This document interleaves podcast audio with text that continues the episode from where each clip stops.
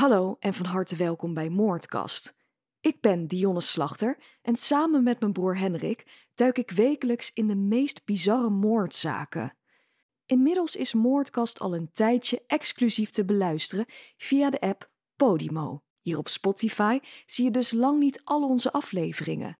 Wil je nou alles beluisteren? Zorg er dan voor dat je lid wordt van Podimo. De eerste 30 dagen zijn gratis te beluisteren. Ga daarvoor naar podimo.nl/slash moordkast om je via deze weg aan te melden. En wij hopen jullie daar weer terug te zien.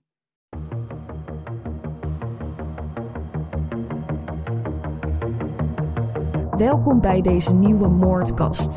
De podcast waarbij ik je meeneem in verschillende mysterieuze moordzaken. Ik ben Dionne Slachter en samen met mijn broer Hendrik als sidekick duiken we in de waargebeurde misdaad. Vandaag de moord in een Iers dorpje op een Franse documentairemaakster. Wat een ontspannen uitstapje moest worden naar haar vakantiehuis, eindigt in een tragedie. Het is alweer aflevering 5 van onze moordkast. Ik zit hier natuurlijk weer naast mijn broer en sidekick Hendrik. Hallo, ja. Ja, klopt. Aflevering 5 alweer. Gaat lekker, hè? Heel erg, ja. En ehm, vandaag hebben we weer een eh, bizarre zaak waar we het over gaan hebben. We kwamen op het idee om deze zaak te behandelen in verband met de eh, Netflix-documentaire die recent uit is gekomen. Ja, Een murder in eh, West Cork, ja. Sophie, ja. Sophie. Eh, we hebben hem allebei helemaal gekeken. Mhm.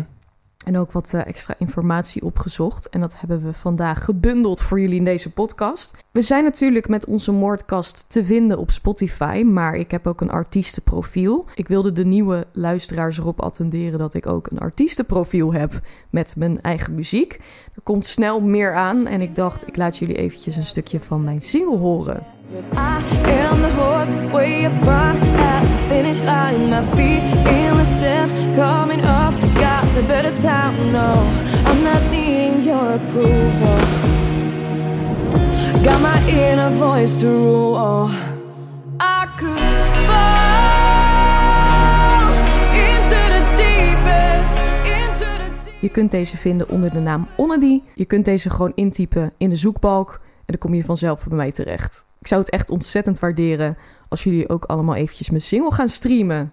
Lekker doen. Klaar met eh, de schaamteloze zelfpromotie. Ja, nou, lekker nummertje wil ik er even bij zeggen. Ja, dankjewel. Ja, hij is al een tijdje uit. Ik dacht, daar ben ik ook mee bezig. Dat wilde ik eigenlijk de moordkastluisteraars, want ik denk dat er ook best wel veel nieuwe mensen op zitten, eh, om dit eventjes mee te delen. Ja, dus eh, de, de Netflix-documentaire, dus de moord op Sophie in West Cork.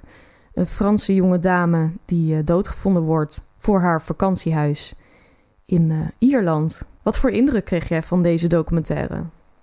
Ja, allereerst wist ik, ja, ik wist niet, wist niet zo goed wat ik ervan moest verwachten. Ik denk, nou, eh, het wordt gewoon een moordzaak met eh intriges, eh, weet, van alles, dacht ik. Ik ging, er, ik ging er open in, laat ik het zo zeggen. Ik ken het ook helemaal niet. Nee, nee, totaal niet. Maar ja, wie kent West Cork of wie kent Skull? Nee. Het, het, het plaatsje, niemand, denk ik. nee. Nog niet. Nee, al klinkt Sk- Skull wel heel erg gaaf. Skull, Skol. Ja, wij kennen het als het Deense woord voor proost. proost. en als je het eh, hoort, denk je dat het misschien een, eh, een hoofd is. Ja, inderdaad. Skull. Ja. Ja. In de eerste aflevering dacht ik, nou, dit is gewoon een, een, een moord, een moordonderzoek documentaire. Maar na aflevering 1, het einde van aflevering 1, dacht ik, wow. Zo, ja, dat had ik ook. Hè? Ja. ja. Ja, het bekende wat ik wel, wel vaker heb, het kippenvel, kippenvel momentje. echt een kippenvel momentje. Ja, Ja. Het is zeg maar een miniserie van drie afleveringen. En eigenlijk elk einde heeft een plot twist. ja het is geen kleine cliffhanger, zeg maar. Nee, nee, ze hebben het in ieder geval heel mooi geëdit en gebracht. En het is zeker een aanrader voor eh, de luisteraars om dit te gaan kijken. Ja, 100%. En wij gaan het vandaag behandelen in deze moordkast.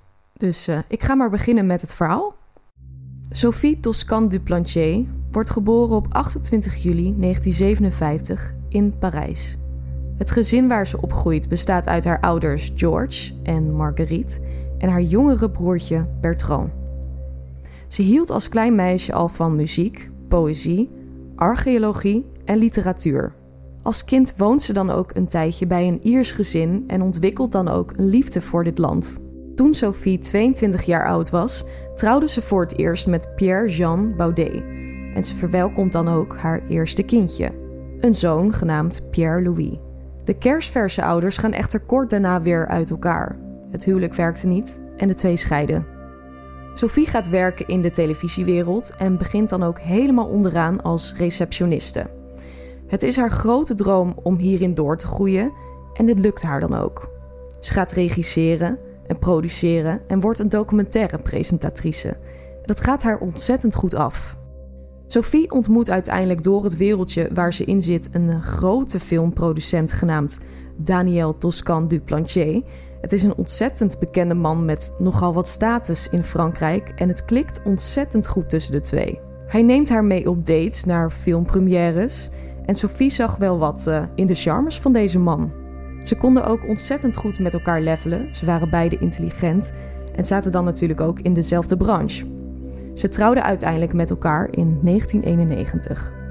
Sophie was een ontzettend mooie vrouw om te zien en was dan ook echt een uh, soort van trophy wife voor Daniel.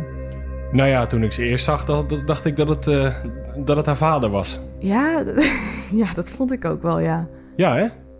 Ja, ze, ze viel wel op oudere mannen. Ja, er was wel een uh, leeftijdsverschil. Nou, die, dat was heel, heel duidelijk, ja. ja. ja. Ja, dus echt een trophy wife voor hem. Hij heeft het goed gedaan in ieder geval. Ja, het is niet de eerste moordzaak hè, met, met trophy wives. Nee. Het is ongeveer de derde al die we nu behandelen. Ja. Ja. Dat klopt. Sophie kwam door dit huwelijk in een glamoureus en extravagant wereldje terecht.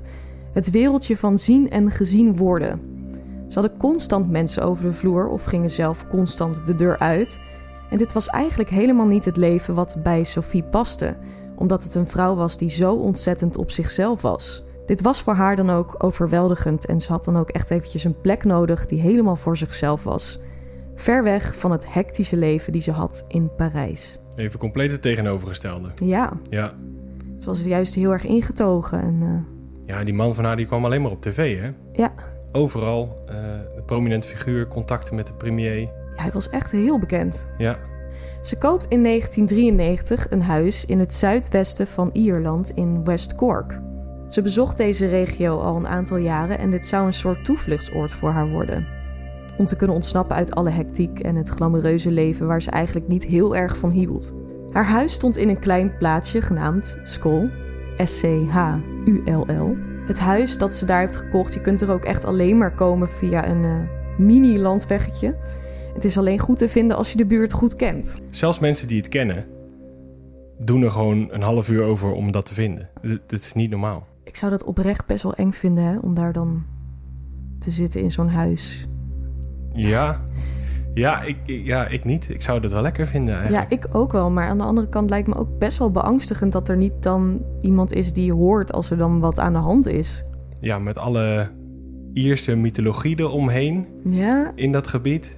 En alle verhalen die daar, ja, waar, waar iedereen mee opgevoed is. Ja, zou ik me toch misschien ik vind het wel heel tof, die, die hele cultuur eromheen. En ja, die ruïnes en, en de... De mythes, de legendes. De mythes, de legendes, en ja. iedereen gelooft er ook uh, bijna heilig in. Het is, het is prachtig. Ja. ja, super tof. In deze regio kwamen veel buitenlanders wonen. Met name kunstenaars en hippies die genoten van het wilde landschap van Cork... en daar hun creativiteit optimaal konden benutten. Types zoals Sophie. En de hippies die rookten vooral het, uh, het wilde landschap. Ja, dat denk ik ook. hier kon ze optimaal tot rust komen, schrijven en een beetje werken. Ze kwam hier dan ook helemaal tot leven. Ze gaat dan ook regelmatig een weekend daarheen. Gaat soms dan ook wat langer voor een uh, vakantie. En af en toe neemt ze dan ook een familielid mee om uh, de tijd samen daar te spenderen. Ondertussen stond het huwelijk van Sophie en Daniel onder druk. Ze waren nog wel getrouwd, maar niet echt meer samen. Ze had dan ook naast haar huwelijk op een gegeven moment een andere vriend, genaamd Bruno Carbonet. Carbonet? Ik uh, heb nooit Franse les gehad, jongens. Dus- Carbonade. Dus... Ja, carbonet. Carbonet? Carbonet. Carbonet, ja. Ze zaten dan ook wel eens samen in dat huis in Cork. Maar in 1993 maakt Sophie toch een eind aan deze relatie. Ze zijn dan ongeveer een jaartje samen geweest. Bruno bleek erg jaloers en bezitterig te zijn en wilde de controle over Sophie. Deze break-up verliep dan ook alles behalve soepel. Bruno scheen haar een dreigbrief met een schroef te hebben gestuurd en haar ook uh, te hebben mishandeld in Parijs een keertje. Uh, het ging niet helemaal lekker. Nee, nee, was ik een beetje een depressieve man volgens mij. Ja, hij was een beetje een zwaarmoedig persoon. Ja. Het viel mij ook gewoon weer op. Dit kon ook de vader zijn. Ja, ja, het was ook voor een oude man. Ja, Beetje hetzelfde type. ja hè? Ja. Sofie had zelf ook best wel donkere gedachten, hè? Ja, ik, ik weet niet of jij nog wat wil zeggen over de laatste documentaire die zij wilde maken. Nou, vertel maar. Eh, ja, zij was, eh, zij was heel levenslustig, zoals je zei. Maar ze had ook inderdaad een hele, ze had hele donkere interesses ook. Ja. Eh, en haar laatste documentaire wilde ze gaan maken over lichaamssappen. Ja, heel apart. Ja, zij wilde het over gal, sperma, bloed. Misschien is dat ook de reden waarom ze daar woonde. Vanwege de mythes en legendes. Ze hield ook van monsters en zo. En... Ja, Het is 20 december 1996. Sophie besluit vlak voor kerstmis naar Cork toe te vliegen. De verwarming was stuk en die wilde ze laten maken en tegelijkertijd had ze dan ook meteen even een break. Het is haar intentie om de 23ste van december, vlak voor kerst, weer terug te vliegen naar Parijs. Ze had wat mensen meegevraagd, maar niemand kon met haar meegaan. Sophie besloot dus uiteindelijk in haar eentje naar Cork te vliegen. Op zondag 22 december reed Sophie naar een ruïne genaamd de Three Castle Head om daar een beetje rond te kijken. Daar staat namelijk een eh, hele mooie kasteelruïne. Ze wandelde daar een eh, uurtje rond. En volgens een getuige zou ze daar iets heel vreemds hebben meegemaakt. Iets waar ze enorm bang van werd. Ze zou daar een vrouw hebben gezien, geheel gekleed in het wit, of in ieder geval in, in een witte vorm. En volgens de mythes en legendes zou hier de geest van een vrouw rondwalen, genaamd de Witte Dame. Het verhaal gaat dan ook dat eh, zodra je haar ziet, je binnen een paar uur zult sterven. ja je dood zal, eh, zal eh, ja, onontkomelijk, zeg maar, binnen korte tijd plaatsvinden. Het is niet de enige mythe van, het, van, de, van Free Castle Head, zeg maar. Vertel. Het kasteel staat boven een meer. Mhm.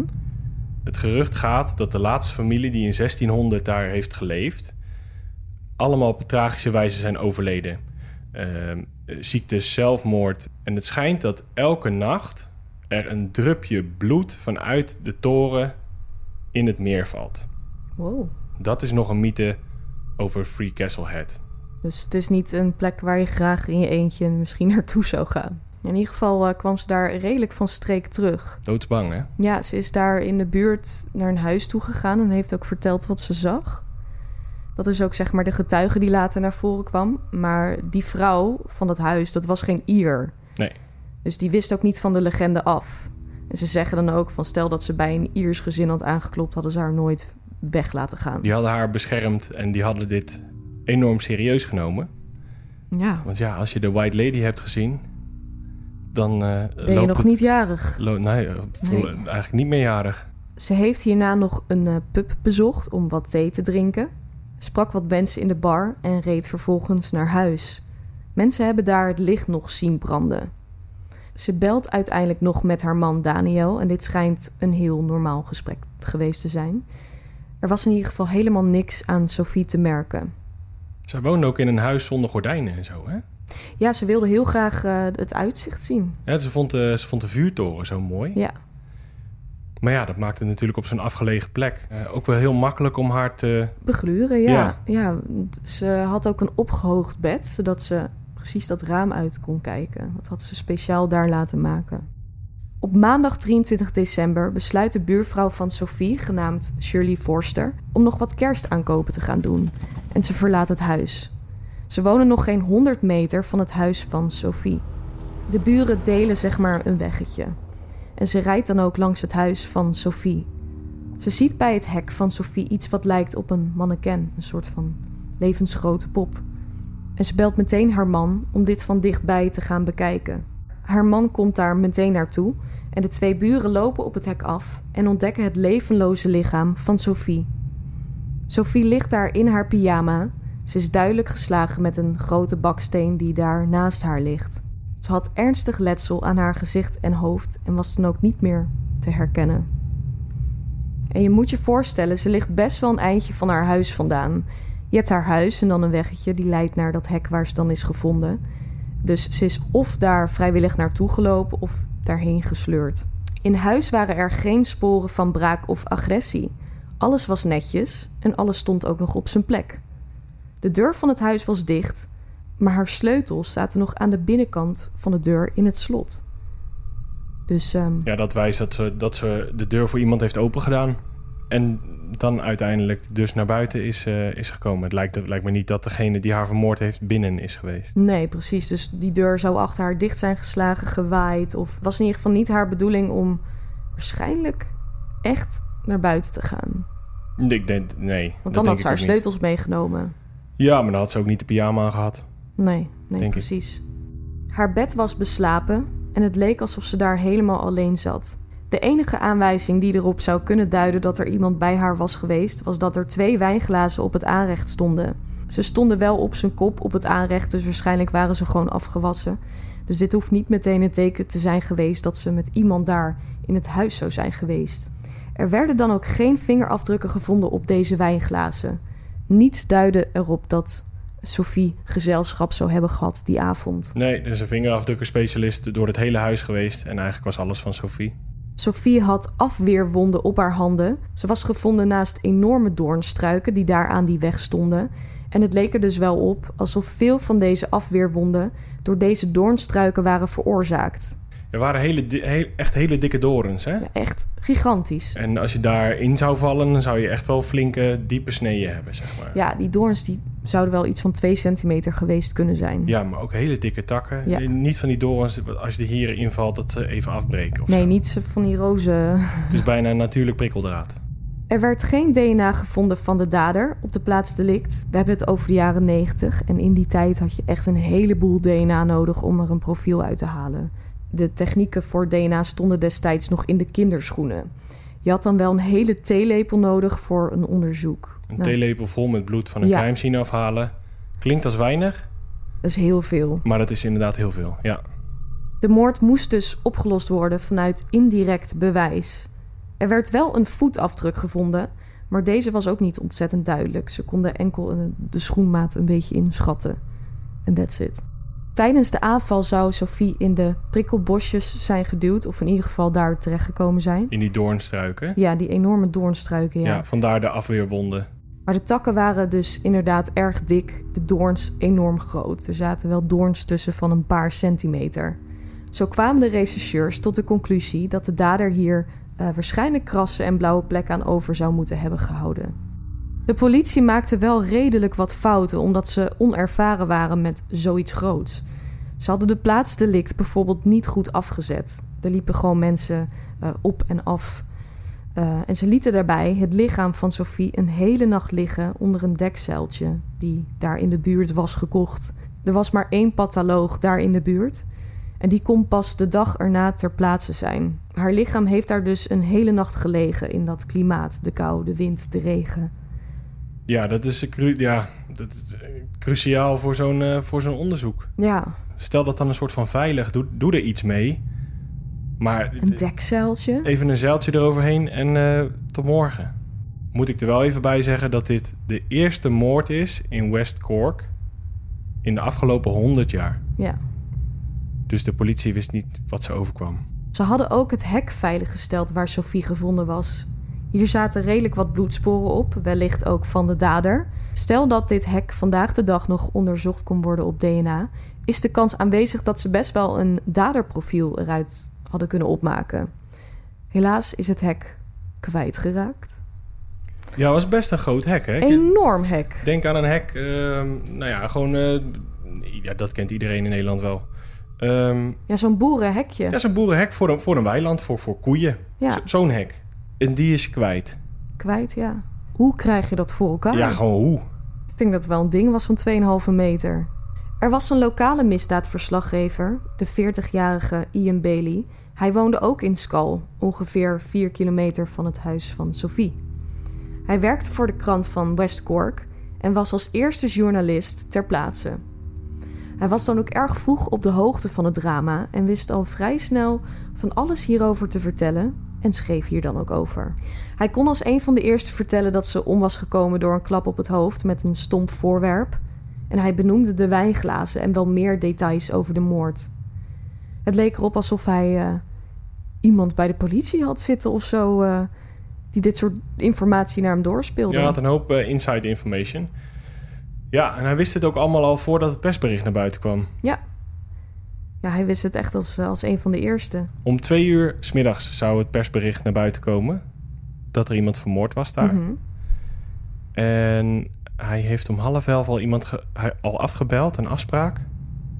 Om het onderzoek te gaan doen. Ik kan niet, want er is een moord gepleegd. Ja, ja, ja, dat klopt. Een aantal dagen na het incident liep hij de plaats delict op, terwijl dit allemaal nog was afgezet. Hij liep echt gewoon rond het huis, keek naar binnen. Er zijn ook video's van. Hij schreef ook eh, wat stukken over het persoonlijke leven van Sophie, die voornamelijk bestonden uit verzinsels. Over dat ze een losbandig liefdesleven zou hebben geleid in het huis in Skull en dat ze het vakantiehuis zou gebruiken voor allerlei wilde feestjes. Hij schreef artikelen die nergens op waren gebaseerd. Eh, hij heeft ook voor de Times volgens mij geschreven. Iets voor, iets voor, iets voor een bekende krant vroeger. En het, het, was, het was een man die heel erg bekend stond om zijn sensatiestukken, headlines schrijven. Dat was zijn, zijn doel. Ongeacht of het waar was, denk ik dan. Eigenlijk een beetje de ouderwetse clickbait, Ja, nou, dat denk ik. Ja, maar wel in een hele extreme vorm. ja met, met een hoop eh bombarie en leugens. En, eh, ja. De buurt reageert intussen geschokt. In Skull gebeurt namelijk nooit wat, zelfs geen inbraak.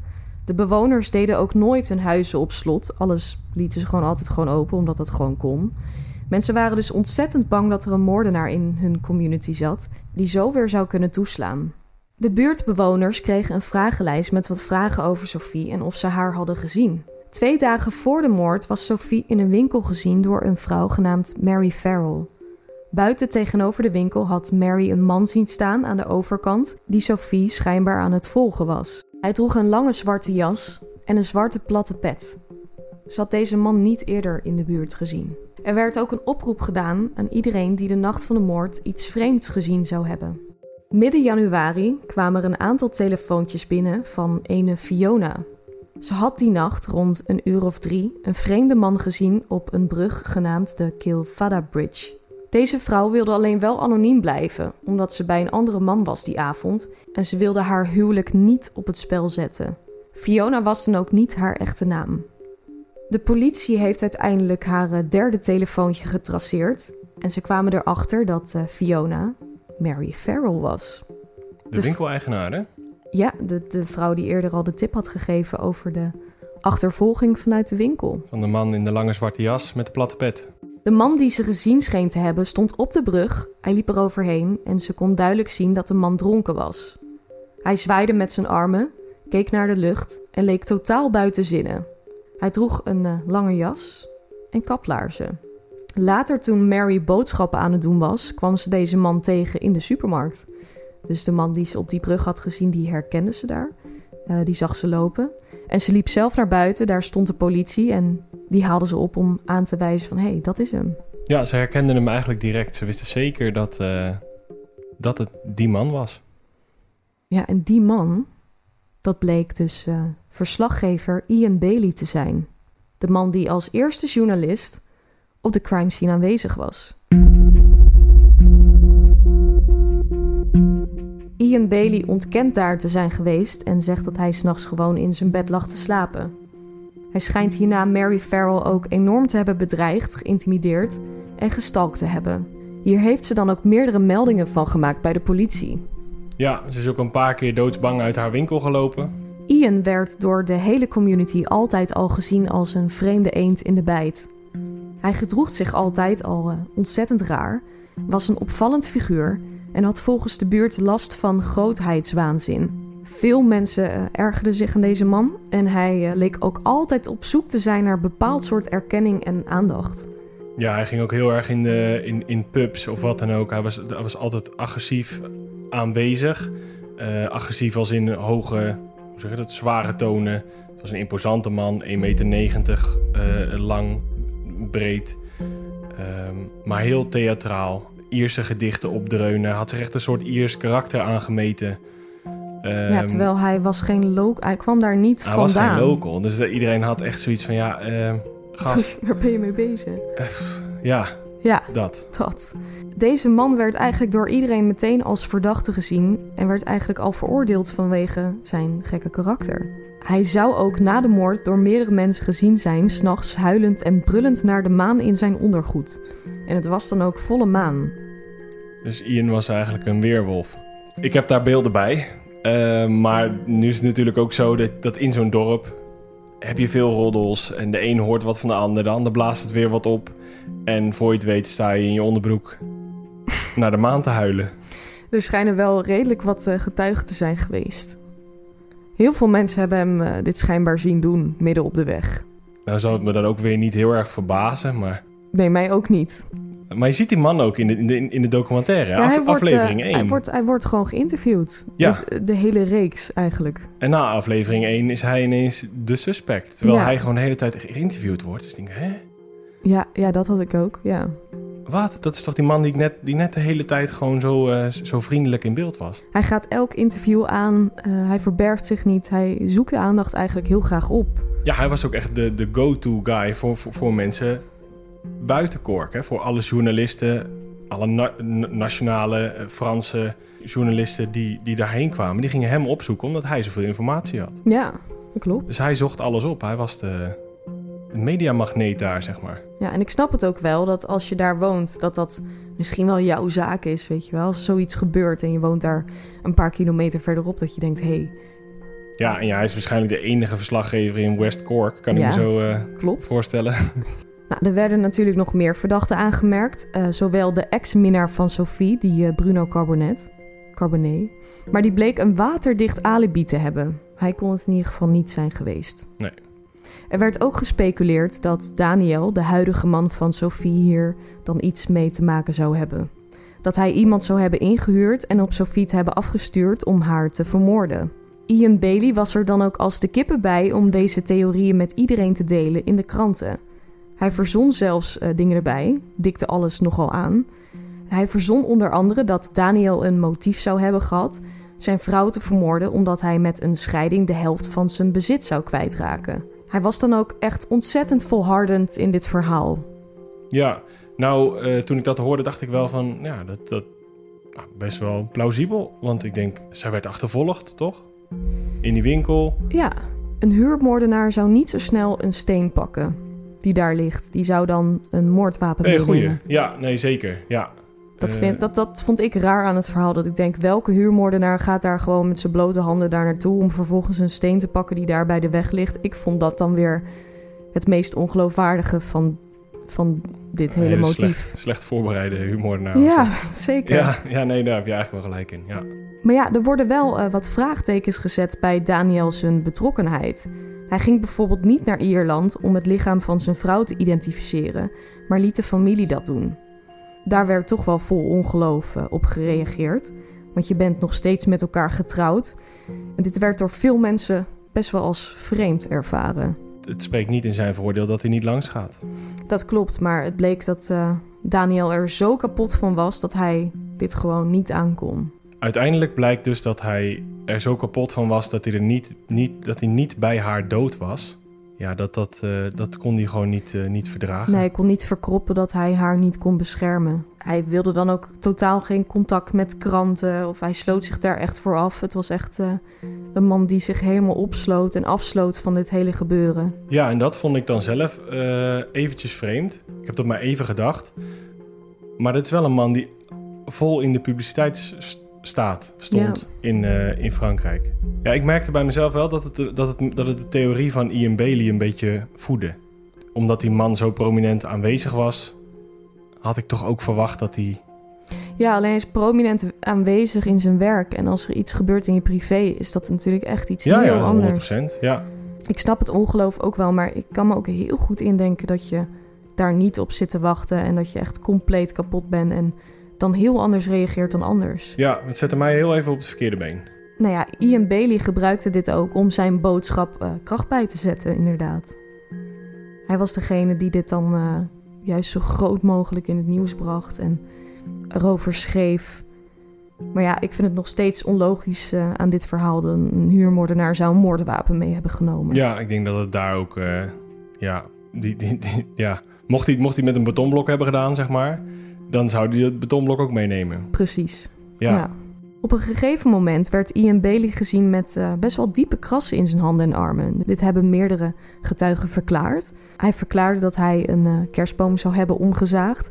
En dat die krasjes dan van de naalden van die kerstboom zou zijn gekomen. Ja, hij had van die hele grote bomen in zijn, in zijn tuin staan. En het topje daarvan, het topje zou, is ongeveer zo groot als een kerstboom. Ja. Die heeft hij afgezaagd en daar komen al die krassen van. Precies, en hij geeft dat eh, dan ook zelf eh, aan tijdens het interview met Netflix. En hij Ja. zegt dan zelf, het waren eigenlijk hele lichte krasjes.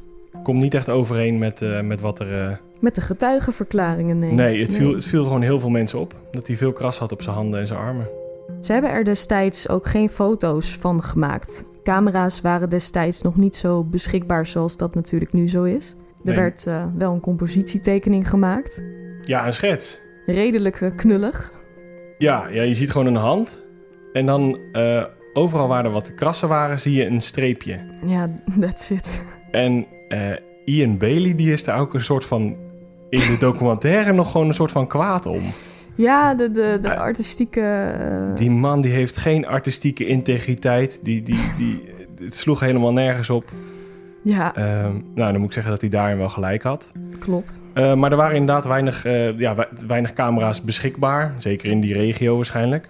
Ehm, maar het was ook niet heel gebruikelijk om iemand die eh, verdacht werd va- van iets... ehm, om, om fo- zomaar foto's van hem te maken. Dat gebeurde blijkbaar niet, niet in die tijd. Ja, je hoort die man van de politie ook zeggen... ja, je gaat niet zomaar foto's maken van iemand... want we hebben hem niet gearresteerd. Dus dat, dus dat deed je niet zomaar. Nee, en een, een schets zou dan acceptabel geweest zijn ook... omdat hij nog niet zo heel erg in het vizier zat destijds, hè? Hoe graag had iedereen nu die verwondingen gezien op, eh, op Ian Bailey's armen? Ja. ja, ontzettend graag. Want weet je wat het is? De ene zegt dat het hele diepe wondjes waren... en Ian Bailey kan nu natuurlijk gerust zeggen... nou, het waren hele dunne krasjes. Ja, en ja, wat, je, wat je als bewijs hebt is een tekening met een paar streepjes. Hij had daarbij ook nog een eh, flinke kras op zijn voorhoofd. En daar is ook nog wel een dingetje mee, want Ian Bailey was destijds met een vrouw genaamd Jules. En hij woonde samen met haar daar. En er was dan een atelier en er was een huis. Ja. Ze had verklaard bij de politie dat ze niet zeker wist of Ian de hele nacht, de nacht van de moord, naast haar had gelegen in bed. En ineens zag ze in de ochtend dus die kras op zijn hoofd. Ja, ja, dat klopt. Hij lag die avond al te draaien. Op een gegeven moment heeft zij opgemerkt dat hij uit bed ging. Daarna heeft zij hem de volgende ochtend pas gezien. Om negen uur toen hij haar koffie kwam brengen. Wauw, dus hij is eigenlijk niet meer bij haar in bed gaan liggen dan. Ja, dat weet je natuurlijk ook Denkt niet. ze, ja, dat weet je natuurlijk ook niet zeker. Als zij net zo slaapt als mijn vriendin, dan zou dat best kunnen. dat, hij, dat hij er gewoon weer naast is gaan liggen en... eh, Het zou kunnen, je bent, Ja. toch, eh, je, ja, je bent toch aan het slapen. Dus Ja. eh, je bent er ook niet helemaal bij. nee, je maakt er niet zoveel van mee waarschijnlijk. Naar eigen zeggen zou Bailey deze kras hebben gekregen van een kalkoen die hij wilde slachten. Dus eh, die hebben natuurlijk scherpe nagels en die zou een nagel langs zijn voorhoofd hebben gehaald. Wat zo vreemd was, is dat Ian Bailey eh, alles als eerste wist. Hij was zo vroeg op de plaats delict en wist mensen zo snel zoveel te vertellen dat dit best wel verdacht was. Je moet je voorstellen dat er destijds nog geen gebruik werd gemaakt van mobiele telefoons of een, een database die online stond. Of wat dan ook. Alles zou mond op mond moeten zijn gegaan. Ja, of via de radio of, of, de, of de lokale tv. Precies. Ja, ja, als er een persbericht uit was gekomen. als, ja. Maar dat was nog niet het geval. Het kan natuurlijk zijn dat de geruchten al rondgingen in het dorp. Maar hij riep een half uur na de ontdekking van het lichaam al dat er een moord was gepleegd. Om tien uur werd ze gevonden en kwart voor elf was hij zijn onderzoek al aan het doen. Terwijl ja, de moord was echt bij nog niemand bekend. Ja, dus die buren die hebben haar om tien uur gevonden. Eh, die hebben Ian Bailey niet gesproken. En om half elf zegt hij zijn eerste afspraak af. Van joh, ik kan niet. Ja. Want er is een moord gepleegd. Ja, hij zou misschien inside information kunnen hebben. Dat zie je natuurlijk wel vaker bij misdaadjournalisten of zo. Dat zij toch, toch even iets sneller iets Ik vind het nog niet meteen erg verdacht. Ik zou het echt mega verdacht hebben gevonden als hij daarvoor al van de moord wist en dat al daarvoor zou hebben gezegd. Ja, dit verhaal wordt nog wel verdachter omdat hij eh, zelf verklaart in de tijdlijn dat hij om tien over half twee door iemand van de politie is ingelicht dat er een moord is gepleegd. Dus dat hij voor twee uur wist van de moord. En dat hij dat toen pas wist. Dat hij pas, hij zegt dus zelf rond het persbericht, rond een uur of uh, kwart voor twee, wist ik het pas. Ja, toen heeft hij informatie doorgekregen van die agent. Waarvan, en die agent zegt, ik heb hem nooit gesproken. En dat schijnt een hele integere man te zijn. Ja, dus dit, ook dit verhaal is een beetje, een beetje vreemd. Ja, er kwamen nogal wat meer uh, leugens uh, aan het licht. Hij ontkende daarbij namelijk Sophie te kennen. Hij zei dat hij haar wel eens had gezien, hier en daar, maar nooit had gesproken. Dit bleek ook weer een leugen te zijn, want er zouden ongeveer wel acht mensen hebben geweten dat ze elkaar wel degelijk hadden gekend. Sophie zou het uh, met meerdere mensen over Ian hebben gehad. Dat uh, ze met een schrijver uit uh, school zou hebben afgesproken. Maar dat ze hem ook wel een vreemde snuiter vond. Ja, ze vond het een beetje een enge man. En hij wilde graag met haar samenwerken. Mm -hmm. Voor een film of een documentaire of, of iets. Hij wilde iets samen met haar doen. Ehm, en zij vond het allemaal maar eng. En dat heeft ze aangegeven bij... Ja, bij een vriendin van haar. Ja. Ja, je ziet Ian Bailey eigenlijk ook in, in heel veel interviews precies hetzelfde zeggen. Alsof hij exact in zijn hoofd heeft wat het antwoord op bepaalde vragen is. Ja, ja hij krijgt natuurlijk vaker de vraag of, die, of, of, of hij het gedaan heeft. En je ziet dan beelden van uh, een jaar geleden of, of, of uh, tien jaar geleden. Er komt hetzelfde antwoord uit met hetzelfde gezicht. Ja, maar ook echt precies dezelfde zin. Ja. Van wel eens gezien, nooit echt ontmoet, maar een buurtbewoner wees haar aan. En dat zijn precies de woorden die hij telkens dan gebruikt. Ja, ja. En dat... Ja. Vind ik een beetje verdacht. Ja, het ziet er heel erg... ehm, ja, ik kan het even het Nederlandse woord niet vinden, maar heel erg rehearsed uit. Dus dat hij dat constant... Dat hij het bijna op papier heeft gezet. Ja. Maar ik denk ook wel zo erg tot een, tot een bepaald punt dat hij het ook echt zelf gelooft. Ian Bailey wordt uiteindelijk gearresteerd en meegenomen naar het bureau en werd verhoord. Bailey ontkent alles en zijn huis en atelier worden onderzocht. Achter het atelier waren vuurresten gevonden van een soort van vuur, van een kampvuur wat er was gemaakt. Er waren in ieder geval uh, wat, wat attributen verbrand achter het atelier. Er was duidelijk een matras verbrand, er lagen jasknopen tussen, een jeans en laarzen. Alles was dan wel zo erg verbrand dat hier uh, geen hard bewijs uitgehaald kon worden. Uiteindelijk werd Ian Bailey na tien uur alweer vrijgelaten, omdat er niet genoeg bewijs zou zijn en hij kwam ook niet uh, met de bekentenis waar de politie op hoopte. Ian Bailey zocht dan ook direct de pers op om de politie te beschuldigen van corruptie. Bij de arrestatie zouden de agenten geweld hebben gebruikt en hem hebben bedreigd. Iedere rechercheur zou hem hebben uitgescholden en hem woorden in de mond hebben willen leggen. In het interview Netflix zie je dat ook, hè, dat hij dan zegt... Uh, ja, uh, ze zeiden, ik zorg er wel voor dat je anders uh, met een kogel in je kop eindigt. Waren best wel... Ja, het is Ja. bijna een soort, soort film, filmisch. Hoe noem je dat? Het is gewoon het is het, enorm theatraal. Ja, dramatisch, theatraal. Dramatisch. Ik denk ja. dat dat het goede woord is. Zo, zo was hij dus ook in, eh, in, in, in de cafés. En ja, Precies zoals mensen hem kenden ook inderdaad, ja. ja. Maar ik vond zeker dit stuk in de documentaire... dat hij dat vertelde over de politie... vond ik eigenlijk best wel ongeloofwaardig. dat was voor mij ook een beetje een keerpunt. Dat ik ook dacht van, oh, Oh, dat is wel een beetje... toch niet Hoe helemaal. hij dat zegt en hoe hij dan uit zijn ogen kijkt. Ik dacht eerst, hè, niet die vriendelijke man toch? Ja, ja dat had ik ook op het En begin. toen kwamen deze verhalen en toen denk ik, oh, ja, Precies. nee, dat eh, stinkt toch iets meer dan ik dacht. En het gaat nog meer stinken. Nu waren er nog meer eigenaardigheden die eh, Ian Bailey in verband brachten met de moord op Sophie.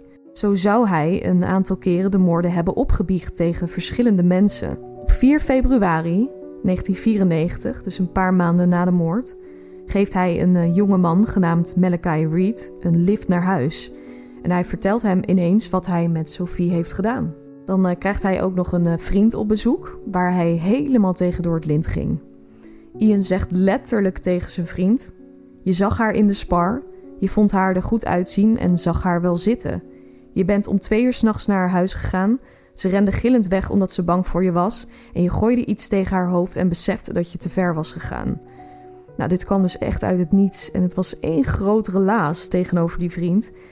En alsof hij zijn vriend beschuldigde van iets wat zijn eigen verhaal was. Ja, hij pro- het leek gewoon alsof hij inderdaad de gebeurtenis projecteerde op die vriend van hem. En dan boos ging worden op dat die vriend het gedaan had. Ja, dit voelde voor die vriend ook echt als een bekentenis. Helemaal psycho. Die Ja, werd heel bang van hem. ja. nou had hij ook veel gedronken, hè? Dronken was hij echt een verschrikkelijk rare man en sloeg hij dus ineens om. Ja, dronken mensen spreken wel eens de waarheid, zeggen ze. Nou ja, wie weet. Op oudejaarsavond zitten Ian en zijn vrouw Jules in een pub en ontmoeten daar een stel genaamd Richie en Rosie. Dit zijn dan ook locals en Ian en Jules nodigen het koppel uit om bij hun thuis eh, de avond verder voor te zetten met wat drankjes en gezelligheid. Ian Bailey werd ineens emotioneel en begint te huilen.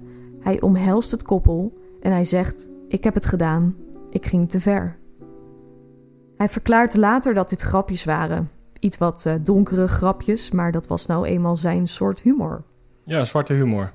Maar dan ga je erbij huilen en omhelzen. Als je tegen zoveel... Er zit, er zit een kind bij, een vriend. ehm, Nou, ik vind de bekentenis richting die vriend zo gedetailleerd. ja, die is bizar. Dat is gewoon een soort herbeleving van het moment die hij projecteert op zijn vriend. Ja, maar het, het past ook wel echt gewoon zo op, op de hele plaats delict en hoe alles is achtergelaten. En dan ook dat gooien. Niet eens dat het, dus inges- dat het hoofd ingeslagen is, maar dat hij dus waarschijnlijk die steen heeft gegooid. Ja, en het dan heeft En misschien is zij voorovergevallen in die doornstruiken. Die beschrijving, ja, erg gedetailleerd. En toen was het voor mij ook van ja, eh, Ja, en hij verklaart dan zelf dat hij eh, door alle aantijgingen een posttraumatische stressstoornis zou hebben gehad en dat hij het daarom ook zou hebben gezegd. Een jaar na de moord wordt Ian Bailey opnieuw gearresteerd omdat hij het aan zoveel verschillende mensen had opgebiecht.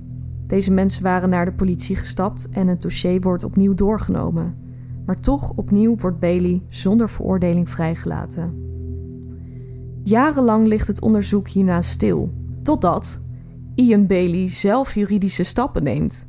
In december 2003, zeven jaar na de moord op Sophie, klaagt hij zeven Ierse en Britse kranten aan wegens laster. Hierdoor werd het onderzoek weer opgerakeld en werd het dossier door de media weer onder de loep genomen. Al die tijd wist niemand echt van alle details af. Die werden nu voor het eerst sinds al die jaren gepubliceerd en het publiek begreep nu pas waarom er zo naar Ian Bailey werd gewezen. ja, alle details die we net hebben genoemd, hè, de meeste details van het, van, het, van het verbranden, en, die waren nog niet openbaar. Nee, klopt. Eigenlijk door zijn eigen schuld, door, eh, Ja, door hebzucht. door hebzucht. Hij wilde geld hebben. Van de, van, hij wilde geld hebben. Ja, en het bewijs was dan wel indirect, maar best wel gedetailleerd. En Die het stapelde zichzelf, zich op. ja, die heeft zichzelf aardig in zijn voet geschoten hiermee. Ja, Ian Bailey heeft zichzelf eh, flink in de vingers gesneden eh, door dit proces aan te spannen. En zijn vingers had hij al eh open gehad. Ja, dat klopt. Uiteindelijk werkte dit dus ontzettend in zijn nadeel. Werd hij alleen nog maar meer verdacht. Ja, dus alles werd weer opgerakeld. Ian verliest De zaak Zaak. tegen de media. tegen de media. Mhm. Maar dan gebeurt er iets raars. Een belangrijke getuige was natuurlijk Mary Farrell, die Bailey zou hebben gezien op die brug. Maar ineens trok zij die verklaring in en gaf ze aan gelogen te hebben hierover en Ian nooit op die brug te hebben gezien. Ze had wel iemand daar gezien, maar dat het Ian zou zijn, dat is iets waar de politie op zou hebben aangestuurd. Ja, ze hadden het haar in de, mond gelegd om maar Ian, eh, Ian te kunnen pakken. Ik vind dat heel raar, want als je haar interview ziet... Ik ben geen expert, maar ik had niet het idee dat ze, dat ze aan het liegen was. En dan die bedreigingen erbij. Ja, ze werd ontzettend bedreigd door Ian Bailey. Die heeft eh, op een gegeven moment ook een gebaar... schijnt een gebaar naar haar gemaakt te hebben... alsof je iemand ja, met, met de vingers... ik doe het nu even naar jou, dat kun je... dat kun- Van links naar rechts voor de keel, zeg maar. over de hals heen. Ja, Ja, dat ik- hij ze haar zou hebben achtervolgd. Eh, er zijn meerdere meldingen gemaakt bij de politie, maar er zijn ook getuigen geweest die eh, Mary in paniek hebben gezien. Die aan haar vroegen: joh, wat is er aan de hand? En dat ze ook vertelde dat Ian haar weer achterna had gezeten. Ja. Ja, nou is zij natuurlijk ook wel de, de, de sleutelfiguur hè, in, eh, in dit. Want mocht zij haar verklaring intrekken, dus wat ze nu doet... dan is Ian helemaal eh off de hoek, zoals ze zeggen. Ze beweerde ineens dat de politie hierachter zat en dat zij corrupt waren. Ze hadden haar onder druk gezet met het feit dat ze bij een andere man was die avond. Dit nieuws sloeg in als een bom, want ja, ze was zo ontzettend belangrijk voor die zaak, inderdaad. En dit was natuurlijk in het voordeel van Bailey. Mary heeft haar getuigenis veranderd... omdat ze het volgens haar dus niet meer aankon om eh, te liegen. Want de politie heeft haar onder druk gezet. Speelde Ian natuurlijk in de kaart om, eh, om een zaak aan te spannen tegen de staat. Dus er kwam nog een zaak. Ja, Dus hij had een zaak aangespannen tegen de kranten, die had hij verloren. Toen is hij vanwege deze getuigenverklaring die Mary introk weer een nieuwe zaak aangespannen tegen de staat. klopt. Met als belangrijkste getuige Mary Farrell. De getuigen die destijds naar voren waren getreden aan wie Ian Bailey alles zou hebben opgebiecht, moesten voorkomen bij de rechter. Er kwam ook een nieuwe getuige naar voren, een vriendinnetje van de dochter van Jules, die daar de dag na de moord op bezoek ging om kerst te vieren. Ze kreeg een raar gevoel toen ze daar aankwam. En de krassen op Ian zijn armen, die vielen haar meteen op. En dat waren dan volgens haar ook echt type krassen. Ja, ja volgens heel veel mensen. Hè? Ja, dit is dus weer de zoveelste die verklaart dat... Uh... En er is er maar één die zegt dat het, dat het ondiepe krassen waren. Maar dan zou het ook niet hebben opgevallen, lijkt mij. Nee. Toen ze ging douchen, zag ze een grote emmer in de badkamer staan... met een zwarte lange jas erin. Die lag daarin te weken. Dat vond ze vreemd. Ja, dat was vooral vreemd, omdat het natuurlijk kerst, hè, winter. Wie gaat er zo'n dikke, zware, lange jas wassen... terwijl dat gewoon amper droogt? Dat doe je in de zomer. Op een gegeven moment wordt uh, Mary verhoord onder Ede en zij zou de hoofdgetuige zijn, maar de verdediging probeerde haar geloofwaardigheid uh, onderuit te halen. Ze wilde weten met welke man zij destijds contact had, buiten haar huwelijk om. Nou, de naam van de man wilde zij niet noemen. Ze werd ontzettend onder druk gezet en is op een gegeven moment uh, dat gebouw uitgelopen. Ja, ze was er klaar mee. Die, ja. ja. Uiteindelijk heeft iemand haar overgehaald om toch weer terug naar binnen te komen. Ja. Uiteindelijk loog ze onder Ede en gaf ze een valse naam op. Ja, dat was natuurlijk de nekslag voor Ian. Ja, want uh, haar verklaring was niet meer te gebruiken. Want ze was nu zo ongeloofwaardig dat uh, ze was te onbetrouwbaar voor dit hele proces. Ja, en een onbetrouwbare getuige, dat, uh, ja, daar kan je niks mee. Nee, Ian Bailey had hier niks meer aan. Die verloor de zaak. Die verloor de zaak, ja. En dat niet alleen. Hij kwam in een hoop schulden te zitten door deze zaken. Ja, ja, eh, volgens mij miljoenen, hè? Miljoenen, ja. Ian Bailey was ook agressief richting zijn partner Jules. Ze werd regelmatig met een blauw oog gezien. En zo werd Ian op een dag zo agressief tegen haar dat het echt totaal uit de hand liep. En Jules uh, was echt extreem toegetakeld. Haar hoofdhuid, haar haar zat helemaal los. Um, ze had een oog dat echt bijna zeg maar, uit de kas kwam. Ja, die hadden nogal een heftige relatie, zoals dat... Uh... Ja, hij mishandelde haar regelmatig. Ja, ja, en zijn verklaring is dat ze vaak samen dronken waren. Zij begon te vechten, maar ja, hij natuurlijk... Uh... Het is bijna twee meter. Ja, wat sterker was en ook dingen heeft gedaan waar hij waar die spijt van heeft. Maar het zegt wel iets over zijn uh, agressieprobleem, want die had hij wel. Ja, als je hem dan gewoon zo op camera ziet, dan denk je, nee, Ian Bailey is nog steeds op vrije voeten en op de achtergrond is de zoon van Sophie bezig met een bond. Deze bond verzamelt bewijs om Bailey voor het gerecht te krijgen in Frankrijk. En deze bond bestaat dan ook uit vooral familieleden van Sophie. 23 jaar na de moord op Sophie krijgt de familie eindelijk de uitspraak waar ze zo lang voor hebben gestreden. In Frankrijk wordt in ieder geval Ian Bailey schuldig bevonden aan de moord op Sophie en krijgt 25 jaar gevangenisstraf. Ierland weigert echter de uitlevering van Bailey en tot op de dag van vandaag woont hij nog steeds in Skull. Het is ook vrij ongebruikelijk hè, om, iemand, uh, om iemand in een ander land te veroordelen voor wat hij daar heeft gedaan. Ja, dat gebeurt niet zo vaak. Nou ja, Frankrijk heeft daar een, eh, een aparte wet in en daardoor is dat mogelijk. Uh, maar Ian en zijn advocaat waren ook niet bij het proces in Frankrijk. Frankrijk heeft Ian ook nog nooit verhoord. Nee, dat is ook heel vreemd. Maar goed, door die wet kon hij wel, uh, kon hij wel veroordeeld worden, inderdaad. Ja, die familie blijft dan ook strijden voor uh, gerechtigheid. En de docu eindigt dan met Bailey die op de markt met die gedichten aan het schrijven is. Daar midden in de menigte zit, met wat mensen kletst. Ik vind het ook ergens ook wel een trieste aanblik, die man of zo. Het, het, het bewijs is te indirect, vind ik, om hem te veroordelen. We weten het natuurlijk niet 100% zeker. Mijn gevoel zei na de documentaire: ja, dit is hem. Maar bij het zien van een andere documentaire denk ik weer iets heel anders. Nou, de meningen verschillen echt ontzettend eh, over zijn betrokkenheid. Veel mensen geloven toch in de corruptie vanuit de politie. En dat ze de daad in zijn schoenen wilden schuiven. En dat hij veroordeeld zou zijn op zijn karakter. Een hoop geloven toch ook wel in zijn schuld. Want als je zijn interviews ziet, zijn verhalen zijn vaag en onsamenhangend. Hij ratelt en ratelt en lijkt toch ook wel ontzettend te genieten van de aandacht die hij krijgt. Ja, het is in heel veel opzichten dubbel. Ja, het is een ongeloofwaardige man. Ik, kijk, mijn gevoel zegt na de documentaire, hij heeft het gewoon gedaan. Kijk, het is een vage man, maar ik kan hem natuurlijk niet veroordelen op hoe hij zich gedraagt. Er is nog geen heel duidelijk en, en sluitend bewijs voor het feit dat hij de dader zou zijn. Nee, ik neig wel nadat hij het gedaan heeft, maar dat komt vooral door die verklaring van die vriend. Ja.